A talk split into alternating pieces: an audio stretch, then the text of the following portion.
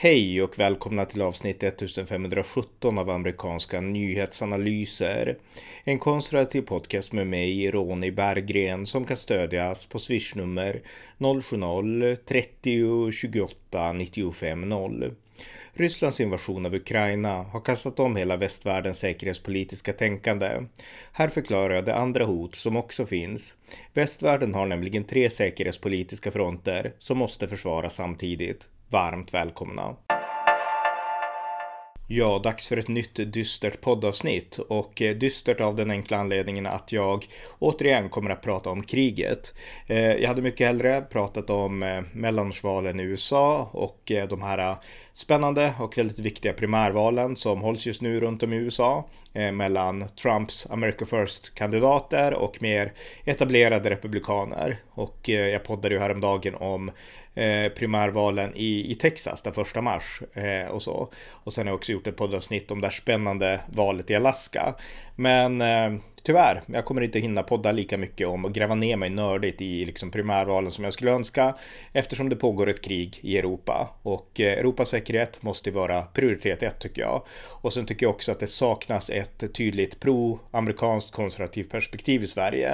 Eh, det pågår just nu en stor diskussion eh, internt inom Socialdemokraterna om NATO och nu i morse så såg jag Göran Greider som är socialdemokrat sitta på SVT och eh, prata om sin syn. Och han var kritisk till NATO. Han menade att NATO var alldeles för USA-dominerat. NATO hade kärnvapen och vi vill ju ha en kärnvapenfri värld och kan inte Sverige försvara sig själv och så vidare. Alltså de här gamla idéerna från eh, vänsterns tid på 1970-talet, typ något sånt. Och eh, när jag såg det så kände jag att eh, Sverige behöver verkligen fortfarande, trots att eh, Världen har gått vidare och trots det vi nu kan se i Ukraina så behöver världen fortfarande röster som kan förklara det amerikanska perspektivet och förklara verkligen USAs enorma betydelse för, för Europas och för världens säkerhet.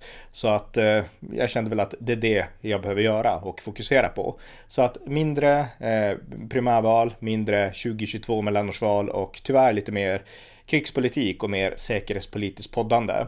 Och eh, det här avsnittet är ett sånt avsnitt. Eh, jag tänkte i det här avsnittet prata om, eh, eller prata utifrån, ett Facebookinlägg jag skrev igår som heter Västvärldens kamp på totalitar totalitarismens tre fronter.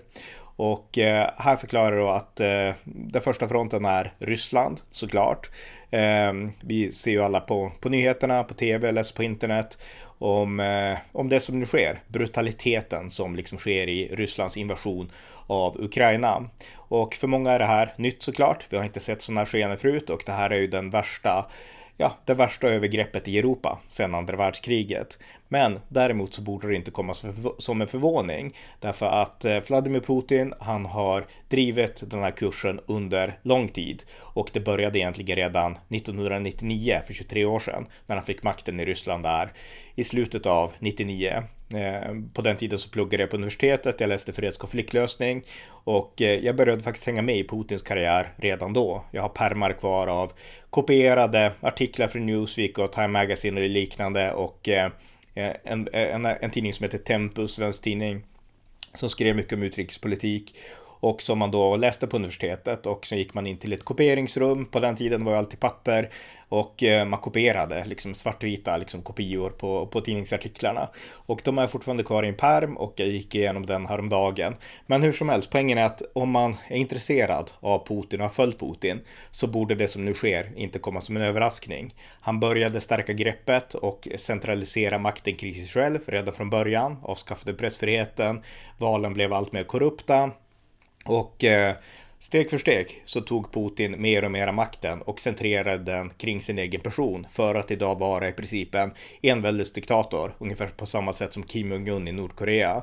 Eh, därtill så militariserade han Ryssland parallellt och eh, det kunde vi ju se sedan tidigt 2000-tal egentligen.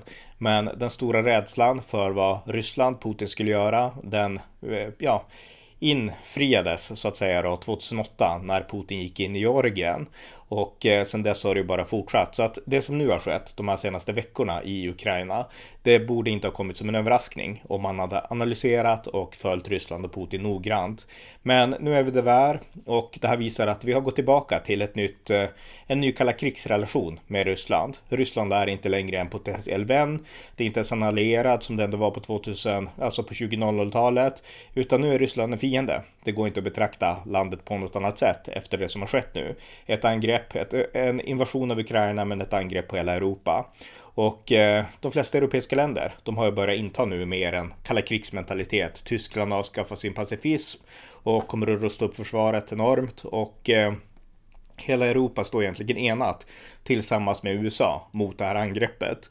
Och det här är viktigt. Alltså vi får inte förlora fokus utan det här är en ny front. Ryssland har kärnvapen. De har en av världens starkaste militärmakter. Det är Europas historiska fiende. Putin har idéer om att återskapa det här Storryssland där Ukraina ingår men där även många NATO-länder ingår. Så att eh, Ryssland har blivit ett hot under Vladimir Putin på ett sätt som vi kanske inte hade räknat med även om vi borde ha gjort det. Men nu är vi där vi är och vi måste rusta, vi måste bygga upp ett försvar och vi måste vara målmedvetna och göra det här även liksom inför framtiden. Inte bara liksom den här nyhetshysterin som nu råder utan inför framtiden måste vi kunna se att eh, vi behöver ett långsiktigt, långsiktigt försvar här i Europa för att om så krävs kunna stå emot alla former av aggressioner från Putins Ryssland. Så att det är den första fronten och det är den som de flesta fokuserar på just nu då såklart av naturliga skäl. Men det är inte den enda fronten i det här försvarskriget som väst måste utkämpa. Den andra fronten och den på sikt viktigaste och allvarligaste fronten, det är såklart Kina. Eh, Kina är till skillnad från Ryssland en och ekonomisk stormakt. Jag menar Ryssland har inte så mycket pengar, de kan aldrig utmana väst ekonomiskt. Men Kina, de gör redan det. De spinner ut sitt stora ekonomiska nät, sina tentakler över hela världen och knyter länder, framförallt i Mellanöstern, Afrika och i liksom bortre Asien, Centralasien till sig och eh, skapar på så vis allierade för att utmana väst om dominansen i världen. Och skillnaden mellan väst och Kina är väldigt enkel. Eh, västvärlden är ett demokratiskt, pluralistiskt system som tror på individuell frihet. Eh, Kina är världens största diktatur som tror på kollektivt, eh, ja, som tror på det kollektiva och betraktar individer som kuggar i det kollektiva. Och är de inte kuggar så är de värdelösa. Så att det är ungefär den skillnaden som finns mellan väst och Kina. Kina är inget föredömligt system, men däremot är det ett allvarligt och ett seriöst utmanande system mot det västerländska. Och det här måste vi ta på allvar. Och eh, Kina har ju egentligen, eh, ja, de har dominans i Asien om det inte vore för USA. Utan den som kan tackla Kina, det är USA. Det är USAs närvaro i bortre Asien som gör att Kina inte invaderar Taiwan. Eh, det är USAs säkerhetsparaply som skyddar de andra demokratierna där. Eh, Sydkorea, Japan och så vidare och även icke-demokratierna som kände sig hotade, Vietnam till exempel, av Kina. Så att eh, USAs närvaro i Asien är helt nödvändig för att kontra den här kinesiska totalitarismen. Så att det är den andra fronten som på sikt kommer att bli allvarligast skulle jag tro. Eh, den tredje fronten, det är en front som vi har haft under egentligen 20 års tid. Det är fronten mot militant islam. Eh, det var ju någonting som väst kom att fokusera mycket på efter den 11 september 2001 när al-Qaida attackerade USA. Men eh, i synnerhet efter Joe Bidens tillbakadragande i Afghanistan i höstas 2021 så har vi tappat fokus lite grann på militant islam. Och nu när eh, Ryssland invaderar Ukraina så är det såklart ännu mindre fokus på liksom islamism och jihadism och sådana saker.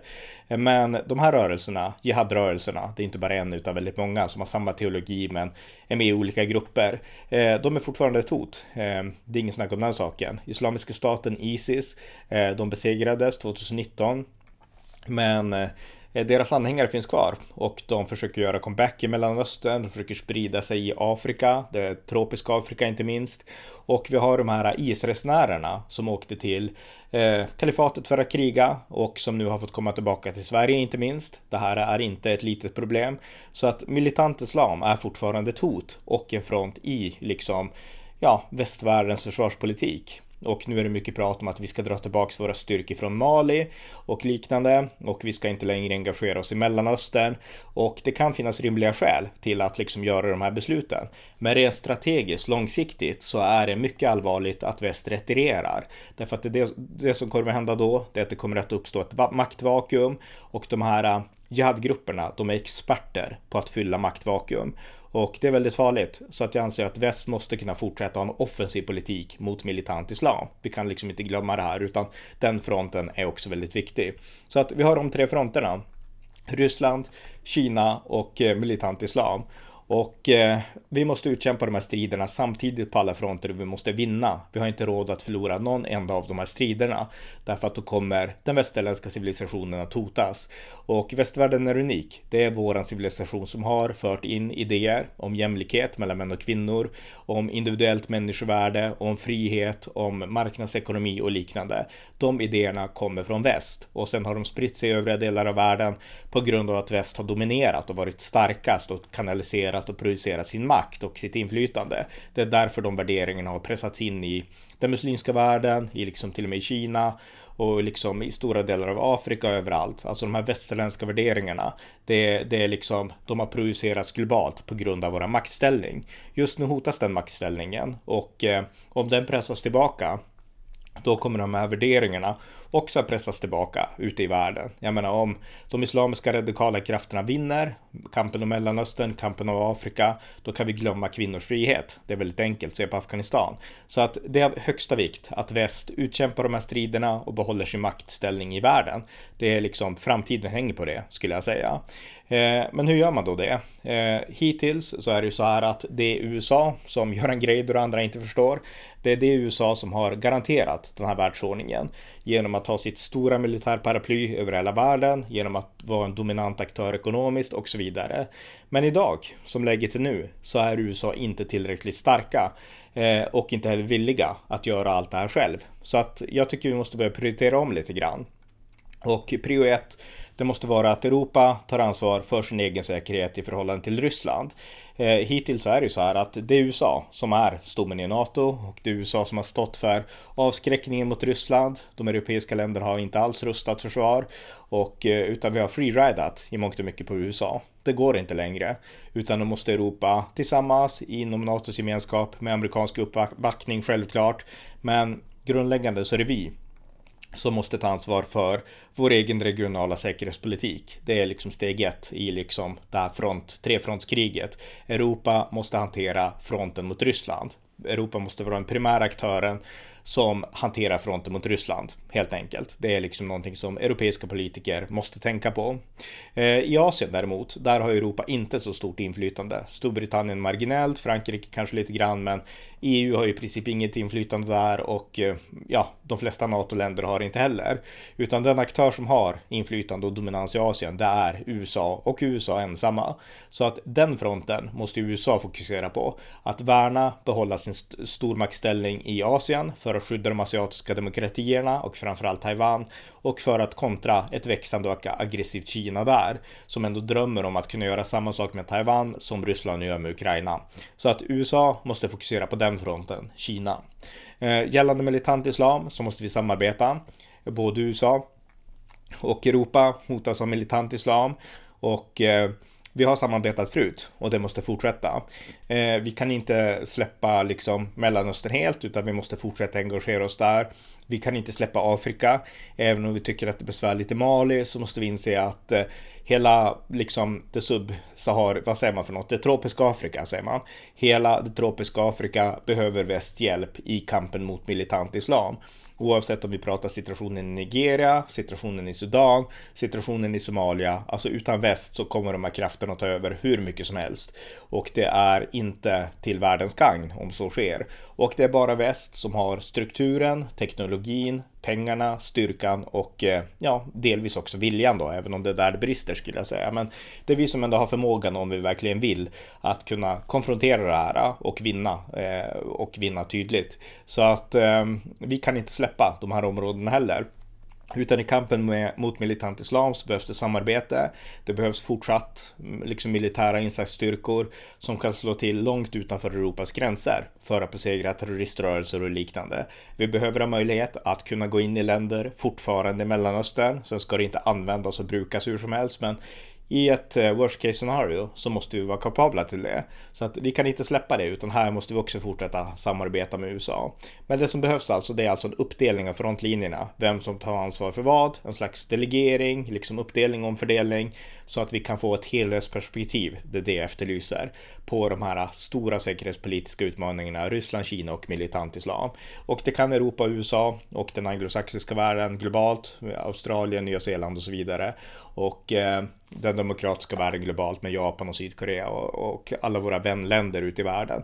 Vi kan bara hantera det här om vi gör det tillsammans. Ingen enskild nation, inte ens USA fixar det här ensamma längre. Utan nu måste den demokratiska fria världen stå enade och eh, bemöta och strida på alla de här frontlinjerna. Och det är det som är lite, lite grann budskapet som jag vill framföra i den här podden, eller idén som jag vill pusha in så att den får fäste också, att, så att det på sikt kan bli en realitet. Sen är det också så att de här tre olika fienderna som jag beskrivit, eh, Ryssland, Kina, militant islam, de är inte vänner till varandra heller, utan de bråkar väldigt mycket med varandra. Jag menar, islamismen och Ryssland går inte så bra ihop, islamismen och Kina går absolut inte bra ihop och Ryssland och Kina går inte alls bra ihop egentligen. De har ju en historisk rivalitet som går långt tillbaka och som gällde även när de var ideologiska fränder i kommunismen. Så att eh, de brukar ofta språka, men det som binder alla de här krafterna ihop just nu, det är deras gemensamma avsky mot väst.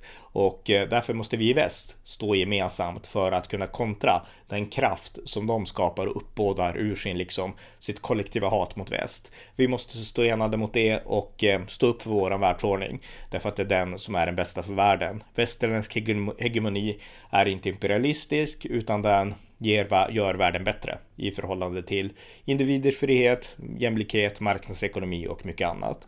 Så att eh, väst är bäst och eh, vi som västerlänningar, vi måste stå enade för att stå emot den totalitarism som försöker riva ner den västerländska ordningen.